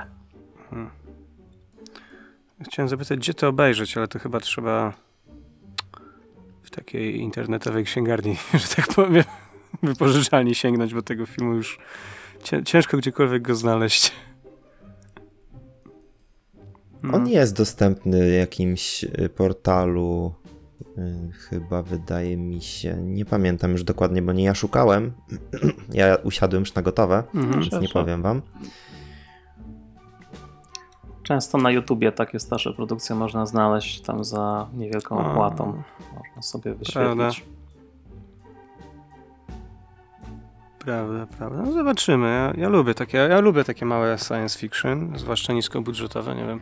Na Amazonie jest bardzo fajne, że nie widzieliście, już nie będę o nim mówił, ale The Vast of Night, jeżeli byście mieli okazję obejrzeć, jest super i też trwa 90 minut i jest prawie, że za darmo. E, no, więc pewnie zobaczcie. Przypomniało mi się, Mhm. przypomniało mi się, do, do czego to może być podobne. Może być trochę podobne do Cuba, O, ale bardziej klimatem niż, niż, niż tematyką czy fabułą. Bardziej budowaniem napięcia, budowaniem klimatu, powiedziałbym, że Cube tutaj może być Ale podobny. Pierwszego. Tak, tak, tak. Y, Właśnie nie, klaustrofobiczny, może trochę, ale nie, nie szukałbym w tym podobieństwa, tylko bardziej właśnie w tempie i budowaniu klimatu. Okej. Pierwsze, co mi przyszło do głowy z Cubem, to grupa ludzi zamknięta w małym pokoju.